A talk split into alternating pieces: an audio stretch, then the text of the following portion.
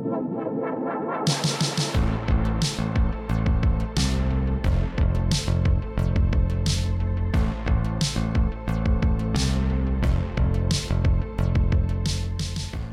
hører på Bibelprat med Kurt. Og her sitter jeg, Johannes Forlandsmer, som vanlig, med Kurt Hjemdal.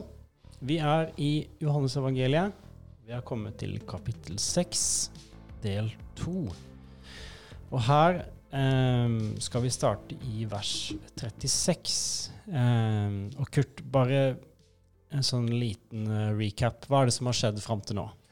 Ja, Det er altså påsketid, og Jesus er i Galilea sammen med disiplene. Og så skjer det at når han har undervist folket, så må de ha mat. De er på et øde sted.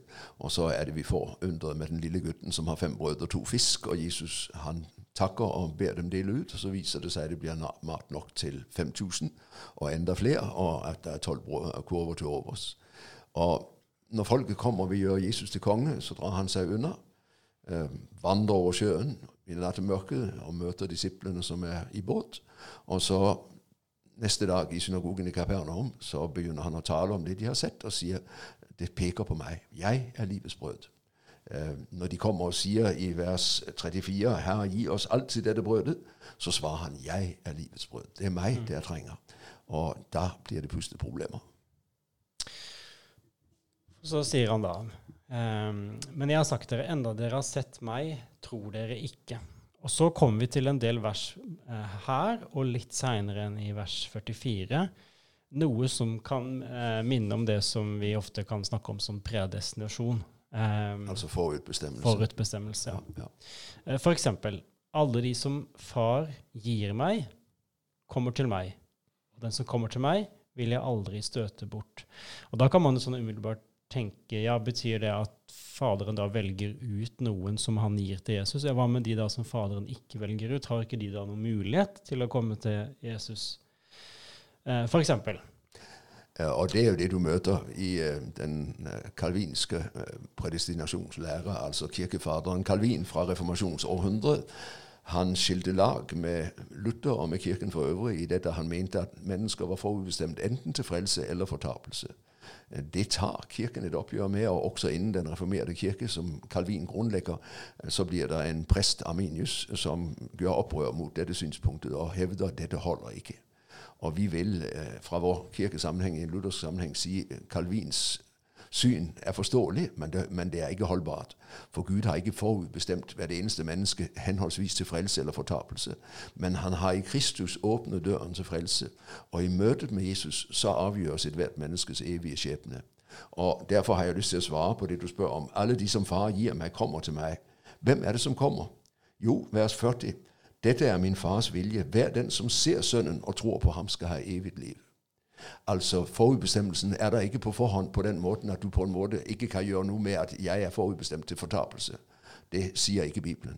Mm. Den sier 'Den som kommer til meg, vil jeg aldri støtte ut'. I Kristus står døren på vidt gap. Men mm. du kommer ikke utenom Jesus hvis du vil ha del i det evige liv. Forutbestemmelsen er knyttet til ham. Så i ditt forhold til Jesus avgjøres din evige skjebne. Og der du sier nei til Jesus, der finnes det ingen frelse. Mm. Den som har Sønnen, har livet. Den som ikke har Guds sønn, har ikke livet, sier Johannes i sitt første brev, kapittel 5, vers 12. Og det er det som ligger her også. Dette er min fars vilje. Hver den som ser Sønnen og tror på ham, skal ha evig liv. Åpner du deg for Jesus, så er livet ditt. Lukker du deg for Jesus, ja, da har du selv sagt nei takk, og så blir du stående utenfor på den store dag og får ikke del i det evige mm. liv. Så, så, vi må ikke løsrive dette med mm. predestinasjon eller forutbestemmelse fra mm. Jesus. Og Paulus taler om det i Efeserne 1. Han taler om dette at han forutbestemte oss i ham, i Kristus. Så hele forutbestemmelsen må ses i lys av Kristus. I ham står døren vidåpen. Hvem som helst kan bli frelst, som til Gud seg venner. Men, men, det er det som er der hvor du avviser Jesus. Der mm. du stillende, øh, stiller du deg selv utenfor forutbestemmelsen. Det er vel det at blir det ikke riktig å si at måte, Bibelen lar det være et mysterium? Hvordan på en måte manns vilje og Guds vilje Det kan du godt si, men samtidig så er det ikke tvil om Gud vil at alle mennesker skal bli frelst. Ja, ja, ja, ja. 1. Tim 2,4. Og det betyr at fra Guds side så står døren vidåpen. Mm. Men evangeliet er anstøtelig fordi det innebærer dom over meg som synder og fortapt. Mm. Og der jeg ikke vil bøye meg for den dommen, Der kan jeg støtte an og, og si nei takk og stille meg utenfor. Men hvis du blir frelst, og det er jo det viktige i den sammenhengen, vers 3-7 Alle de som far gir meg, kommer til meg. Hvem er det far gir meg? De som tar imot Jesus. Mm. De som tar imot Jesus, det er dem Faderen gir. Så vi må ikke tenke det løsrivet fra, fra det å ta imot Jesus. At far på, en måte, for, for, på forhånd har bestemt, og så går det som han har bestemt. Han styrer alle marionettdukkene sine slik at han får dem inn som han vil. Alle de som far gir meg. Hvem? Hver den som kommer til meg, den som kommer til meg, vil jeg aldri støtte ut. Så hvem du er, kommer du til Jesus. Vær så god. Forutbestemmelsen er din. Sier du nei til Jesus? Ja vel, da har du sagt nei til forutbestemmelsen. Men det var ikke Guds vilje at du ikke skulle frelses, for han ville at du skulle bli frelst. Men frelsen er uløselig knyttet til Jesus. Og Derfor skal du som er kristen, ikke ha det som et tankeproblem, men du skal ha det som en frelsesvisshet og en, og en trøst. Når du har tatt imot Jesus, så har far vært i arbeid og dratt deg til ham. Det er en frukt av at han var i arbeid med deg før du valgte ham, for å si det sånn. Ja, for det er vel det som er på en måte alternativet her, hvis, hvis man skal si det at Men er det ikke en bedre måte å forklare det på? For, for det blir på en måte mer feil enn riktig å si at det er jeg som finner Gud. Nei, det Gud For det er på en måte alternativet. Ja, ja. Nei, det var han som fant meg og utvalgte meg, ikke sant? Men uh, Jesus sier det i en av lignelsene i Matteus evangeliet. Mange er kalt, men få er utvalgt. Og hva er det som skjer der? Jo, alle innbys til bryllupet, men en masse unnskylder seg fra bryllupsfesten. Og når Herren har sendt ut uh, brud, uh, festdrakter, så er det en som ikke bryr seg om å ta på festdrakten. Og så blir han kastet ut. Men han var kalt. Herren ville ha ham med, men han brydde seg ikke om innbydelsen. Og derfor så blir den ikke til nytte for ham. Så om igjen, Gud vil at alle skal bli frelst, men når du ikke vil la deg frelse, så må Gud stå. Han er så gråtende ved Jerusalems mur og sier, hvor ofte vil jeg ikke samle deg som hønen samler kyllingen under sine vinger, men dere ville ikke. Jerusalem, Gud ville frelse dere, men dere ville ikke. Han kalte og dro, men dere ville ikke. Og Derfor er det uh, Luthers kirkelærer å si blir du frelst, så er det Guds nådes grunn alene. Går du fortapt, så er det din egen skyld. Du har avvist nåden. Det som jeg opplever er på en måte den store svakheten Calvin og, den, og predestinasjonslæren han har, det er, det er det at du forsøker å svare på et spørsmål som vi ikke har forutsetning for å gi noe godt svar på, nemlig hvordan, hvordan er det for Gud å vite noe? Hvordan er det for Gud å bestemme noe? Han som er utenfor tid og sted. Vi vet hvordan det er å bestemme noe som vesener som er bundet av tiden. Men hvordan er det for han som er utenfor tid, å bestemme noe? Og da skjønner vi at det vet vi fryktelig lite om. Og vi har veldig dårlige forutsetninger for å gi noe godt svar på det. Og det er det jeg opplever er på en måte det store svakheten med Calvin og predestinasjonslæren. Han, han prøver å gi et svar på et spørsmål som vi egentlig ikke har forutsetninger for å gi et veldig godt svar på. Men det vi må gjøre, det er å holde fast det Bibelen lærer oss, nemlig at Gud vil at alle skal bli frelst. Og at hver den som påkaller Herrens navn, skal bli frelst. Og at til syvende og sist så er det ikke i din egen makt. Det er Gud som til syvende og sist er den som kaller og drar. Jo, og så dette som er selve på en måte den gordiske knuten. Hvor er det forutbestemmelsen ligger? Ligger den i meg, eller ligger den i Kristus? Og der Det nye testamentet sier den ligger i Kristus. Det er i ham døren står åpen. Og derfor det er ditt forhold til ham du avgjør hva som skjer med deg. ikke sant? Altså, Alle dem som Faderen gir meg, kommer til meg. Og den som kommer, vil jeg ikke støtte ut. Og da vil jeg begynne i den siste setning. Kom, kom. Døren står åpen. Du er hjertelig velkommen. Men når du sier nei, så stiller du deg utenfor. Og når du sier ja, så er det en frukt av at Ånden har arbeidet i livet ditt uten at du var klar over det. Så er det et mysterium. Som var, hva er det som gjør at et, et menneske sier ja, og ett sier nei? Riktig? Det er et mysterium som vi får la Gud Ja, ja. Og samtidig et forferdelig ansvar at jeg har mulighet for å avvise Guds gjerning. Ikke sant? At jeg kan avvise Jesu kall når han innbyr meg. Eh, At jeg, den som ser Sønnen, tror på ham, skal ha evig liv. At jeg avviser å se Sønnen. Jeg vil ikke se ham. Jeg bryr meg ikke om ham. Og dermed så avviser jeg også min frelse.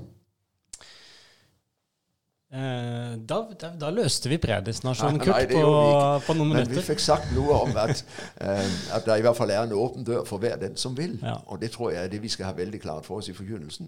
At ikke vi lager en slags stress. Eh, Mm, For det som skjer i den reformerte kirke, er jo at alle må arbeide på å gjøre sin utvelgelse fast for Mm. å være sikker på. Og da blir det stress. Jeg får lov å hvile i at Jesus er nok. Og da skal ikke jeg stresse. Han bærer meg. Så får vi vite her i, vers 41 at jødene murret mot ham fordi han sa 'Jeg er brødet som er kommet ned fra himmelen'. Eh, for dette er store ord, eh, og det ser vi på reaksjonen deres. Er ikke dette Jesus, Josefs sønn? Vi kjenner jo både faren og moren hans. Hvordan kan han si at han er kommet ned fra himmelen? Eh, for, for det her er egentlig ganske Jesus det er egentlig veldig tydelig på hvem han er. Ja, Eh, Og i motsetning til den samaritanske kvinne, som når han åpenbarer seg og sier 'Det er Messias, jeg som snakker med deg', hun bøyer seg og tar imot det. De sier 'Nei, dette går ikke an'. Messias kan ikke være Josefs og Marias sønn. Det er for enkelt. Han må være noe annet enn det. Så de støter an mot hans menneskelighet og mot hans bakgrunn. Akkurat som vi leser i eh, synoptikerne når han står i Nazarets synagoge. ikke sant? Er ikke dette Josefs sønn? Nei. Og så vil de støte ham ned over avgrunnen, og han går bort midt iblant dem. Så, så Jesus er anstøtelig for dette mennesket fra Nazaret, som til og med siden blir korsfestet. Han hevder altså at han er Guds evige sønn. Nei, nå må du lenger ut på landet med den er for dum. Et menneske kan da ikke være Guds evige sønn. Jo, sier Det nye testamentet. Jo, sier Johannes. Jo, sier Paulus. Jo, sier Jesus selv. Jo, sier den kristne kirke. Og så sier vantroen nei. Og så sier han her i vers 47.: Sannelig, sannelig, jeg sier dere, den som tror, har evig liv. Og så kan vi tenke, ja, tror hva da? Vers 48.: Jeg er livets brød. Ja. Og hva hørte en jøde der i år 30 eller 32 eller noe sånt, når Jesus sa 'Jeg er livets brød'? Nei, han hører jo et, krav på guddommelighet. Jeg er den som kommer med det evige liv. Og det å ta imot meg, det er å motta evig liv. Alt henger på meg. Og jeg syns jeg ser når Paulus reiste rundt i Romerriket og forkynte at en korsfestet jøde han var Guds evige sønn. Ah, ærlig talt, det går da ikke an. Så det er helt klart at det her støtter de an mot at de tror de vet hvem han er. ikke sant? Eh, og at han altså påstår han er himmelmaten i, til forskjell fra mannaen, som bare var den jordiske utgave av det himmelske brødet. Eh, og så går Jesus her eh, eh, Eller vi får vite at det ble strid mellom jødene, og de sa hvordan kan han gi sin kropp å spise? For han har sagt det litt tidligere. Jeg er det levende brød som er kommet ned fra himmelen. Den som spiser av dette brødet, skal leve til evig tid. Og det brødet jeg vil gi, er min kropp, som jeg gir til liv for verden. Og så kan man, Hvis man er litt sånn eh, kynisk, her, så kan man tenke at ja, det her er noe Johannes har dikta i etterkant av nattværen for å liksom legitimere nattværen. et eller annet sånt. Men vi tror jo at dette faktisk sa Jesus. Og hva hørte de, uh, lurer jeg på, når, når han sier det her? For jeg, jeg prøvde liksom å tenke ja, de har jo dette bildet med brød og, og manna i ørkenen. Og så har de jo dette med eh, offerlam. Eh, og- så jeg tenkte bare Den, den offerkulten som var i Gammeltestamentet, hendte de at de måtte spise offerkjøttet? Oh, ja, ja, ja, ja. Du vet, de spiser jo påskelammet, ikke sant? Ja. Og hvis du leser offerordningene i uh, Tredje Mosebok, så ser du at en rekke av ofrene så Det er noen ofre som ikke skal spises brennoffer, de skal brennes opp helt. Men så er det en rekke ofre hvor Som noe skal skal brennes etterpå, opp, og prestene skal spise noe, og resten det gis til dem som er kommet med offeret. Og de spiser det i tempel- eller tabernakelområdet, uh, og blir altså budt til bords av Gud selv. Så, så Israel er vant til at Gud innbyr og eh, byr dem på mat. Men ikke blodet? Aldri blodet. Nei, ikke sant? Aldri blodet, Det helles Så det Jesus sier jo er de skal eh, spise eller drikke blodet også. Ja.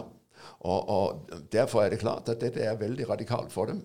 Drikke mitt kjøtt, eller ete mitt kjøtt og drikke mitt blod. At dere skal ta meg til dere som, som livet deres. For de vel, Det er vel et direkte sitat fra Gammeltestamentet, det her med at livet er i blodet. Ja, Ja. riktig. Og derfor så skal blodet stenkes på alteret, og det skal helles ut foran alteret. Men det skal ikke drikkes. Så det er liksom bakteppet her. Ja. Og så sier han at de skal spise hans kropp og drikke hans blod. Og det er klart at det er fryktelig krast. Så jeg skjønner at de reagerer. Eh, Det han mener, er jo altså at de skal tilegne seg ham, og det er jo et veldig krast måte å si det på.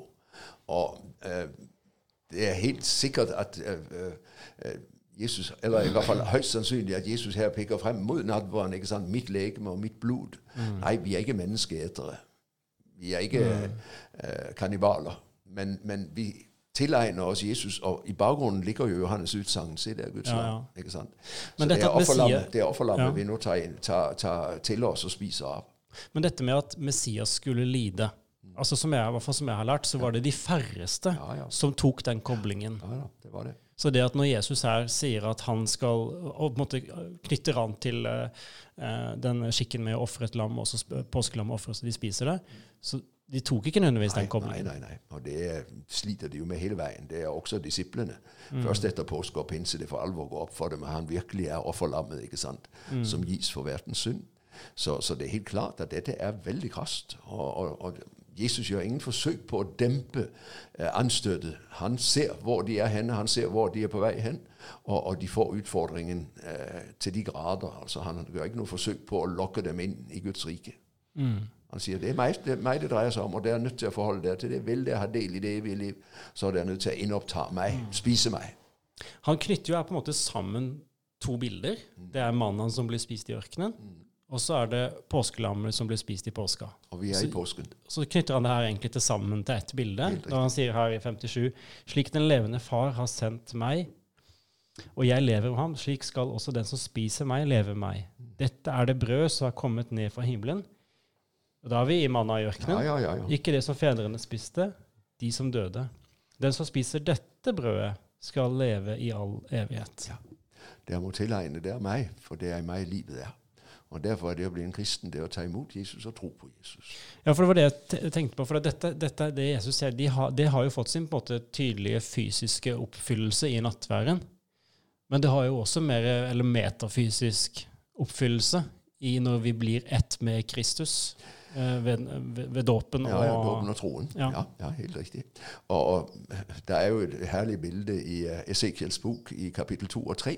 Når Esekiel blir kalt til profet, så er, skjer det en visjon i et syn.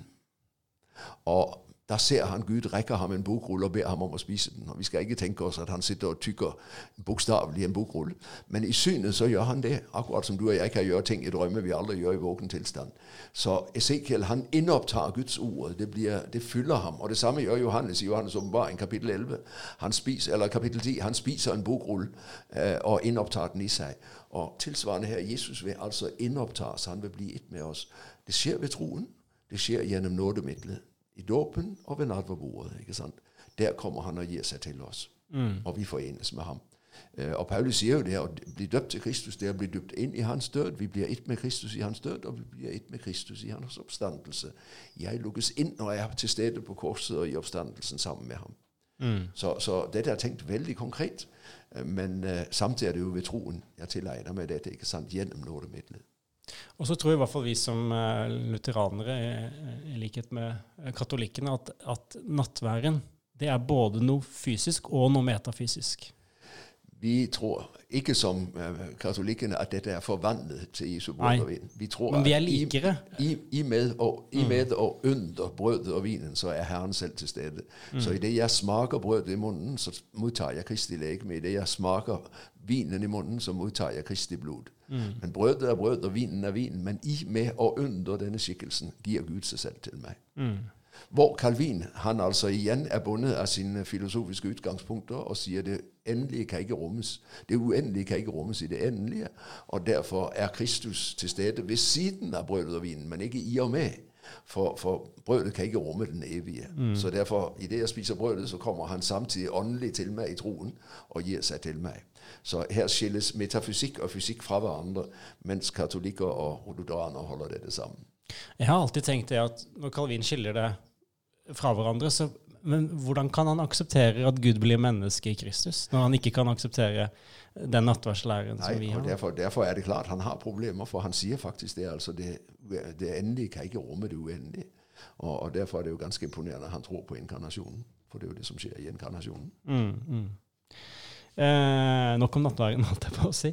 Em, vi får her vite at eh, et, etter, etter dette så sier altså disiplene dette er harde ord. Hvem kan høre på slikt? Og nettopp ut ifra det vi har snakka om nå, om at jødene hadde eh, lært spesielt om dette med blodet, så kan de ikke tåle det her. Og Derfor reagerer de jo også med å ikke bare more, men at de trekker seg tilbake. Um, og Jesus utfordrer dem. Hva så når dere ser menneskesønnen stige opp dit hvor han var før? Uh, altså himmelfarten, ikke sant? Mm, mm, når han mm. vender tilbake til Faderen. Eh, nei, de har store pusteproblemer. At et dødelig menneske på den måten kan representere Gud. At Gud kaller mennesker, det kjenner de til fra profeten og Moses. Men at Gud er et menneske, nei, ikke mm. tale om. Det blir for sterkt. Mm. Og dermed så blir inkarnasjonen på en måte årsak til at de altså vender ham ryggen og sier vi kan ikke følge deg lenger. Dette kan vi ikke være med på. Um, ja, Du nevnte dette med at uh, gjør, det, gjør, dette at dere faller fra, var sånn da menneskesønnen stiger opp eh, dit han var før. Og så sier han det er ånden som gjør levende. Kjøtt og blod duger ikke. Og de hører med kjøtt og blod at han snakker om å spise kjøtt og drikke blod, og ser for seg nærmest en kannibalisme. Mm, mm. Og kan ikke være med på det. Ånden gjør levende. Og der hvor Ånden gjør levende, skjønner vi at Kristus gir seg til oss. Ikke som uh, i et kannibalisk måltid, men gjennom et nådemiddel, hvor han selv kommer og møter oss. Mm. Eh, og så er det um, to steder her um, at Jesus nevner dette med hvem som skal forråde han, altså dette med forræderi. Og jeg har liksom stussa på hvorfor tar han dette opp her, for han gjør det jo her. Um, for Jesus visste fra første stund hvem som, som, ikke trodde, og hvem som skulle forråde ham, i vers uh, eh, 64. For han sier men det er noen av dere som ikke tror. Uh, og så nevner han dette på nytt litt seinere. I vers 71. Ja. Han sa dette om Judas sønn av Simon Iskariot, for han skulle forråde Jesus, og han var en av de tolv. For bakteppet her er jo litt det som vi nettopp har prata om, nettopp at, at uh, ingen kommer til sønnen uten at far drar ham. Og igjen så veller dette problemet opp igjen, egentlig, i hva med Judas? Ja. Og det er en veldig, uh, veldig utfordring, naturligvis. Uh, for vi må jo tro at Judas er kommet på linje med de andre disiplene når han ble med i Jesu følge. Og så vet Jesus altså at det er ham som kommer til å forråde ham. Ut fra sin evige forutviten vet han det. Men Judas var invitert på linje med de andre og stiller seg til rådighet for den, for den onde djevelen får inn i ham. Mm. Uh, og det er jo altså spenningen. Selv den som ser ut til å være med, kan i virkeligheten være imot. ikke sant? Så der ligger jo en veldig utfordring i det. Heldigvis så avsluttes jo kapitlet ikke bare med at alle trekker seg unna. For vers 67 Da der spurte Jesus de tolv vil også dere gå bort. Og da får vi jo dette vidunderlige mm. svaret fra Simon Peter. Herre, hvem skal vi gå til? Du har det evige livs ord, og vi tror og vet at du er Guds hellige. Så, så innerkretsen blir, selv om du kan regne med at det har holdt hardt for dem også. Men de har tydeligvis opplevd noe så sterkt at de, eh, ingenting skremmer dem bort. altså. Jeg lurte på det, Kurt. denne her formuleringa til Peter 'du har det evige livs ord', er det på en måte en helt ny formulering, eller er det noe som har på en måte røttene sine i Gamletestamentet? Det har det nok, for, for, der møter de jo et ord som bærer livet i seg. ikke sant? Han skal bo Jeg tenker på siste setning i Salme 23. Mm. Eh, bare godt og miskunnhet skal etterjage ham alle hans livs dager, og han skal bo i Herrens hus gjennom lange tider. Det åpner jo et evig perspektiv. I Salme 73 uh, øh, Hva har jeg for jorden når jeg har deg i himmelen? ikke sant? jeg blir alltid hos deg. Så, så, det ligger nok i det gamle. Men jeg tenker samtidig Simon og de andre disiplene har tydeligvis opplevd, når de har hørt på Jesus og sett det han har gjort, at troen er blitt skapt hos dem. Ikke bare den lette tegntro, men den dypere tro. De aner at Jesus er den han gir seg ut for å være. Du har det evige livsord. Så det er jo en kraftig Messias-bekjennelse Peter her kommer med i en litt annen form enn den vi møter hos synoptikerne, men, men med samme mm. innhold. Og denne formuleringa 'du er Guds hellige', var det en vanlig Messias-tittel? Nei, det er det nok ikke. Men de har skjønt at han har et enestående forhold til Gud. altså. Mm. Uh, så du må være Guds Messias. Om de skjønner at han er Guds sønn, det gjør de neppe. Men de har forstått at Jesus står i et enestående forhold til far. Det er vel en av de andre evangeliene der Peter sier at du er den levende Guds sønn. Ja, ja og det er nettopp i forbindelse med at han ja. i Cesarea Filippi bekjenner at du er Messias, den levende Guds sønn. ikke sant? Mm. Den beretning har ikke Johannes. Så jeg oppfatter at her gir Johannes oss på en måte en parallell. Nå avlegger disiplene den gode mm. bekjennelsen, mm. som de ifølge synoptikerne avlegger ved Cesarea Filippi. I spenningen omkring skal vi følge Jesus, eller skal vi gå fra ham, så vet de at her må de være. Eh, helt til slutt um, så sier han jo til da på respons på det Peter sier, har jeg ikke utvalgt dere tolv? Og så har jeg av og til lurt på hva slags liksom, tonefall For det er jo et retorisk spørsmål her, eh, som de ikke svarer på. eh, hva slags tonefall hadde Jesus når han sa det? Hva, hva mente han med det? Ah, Jeg tror han mener det positivt først og fremst.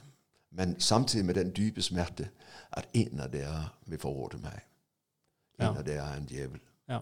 Eh, Så, så eh, han, det er som om han retter en anklage mot seg selv. Hvorfor så jeg ikke det? Mm. Ikke sant? Eh, Har jeg ikke utvalgt dere tolv? Og så allikevel er det en av dere som forråder meg. Mm. Ufattelig at det går an. Jeg syns jeg var så nøye i min kallelse av disiplene. Mm. Men, men én kommer til å forråde. Mm.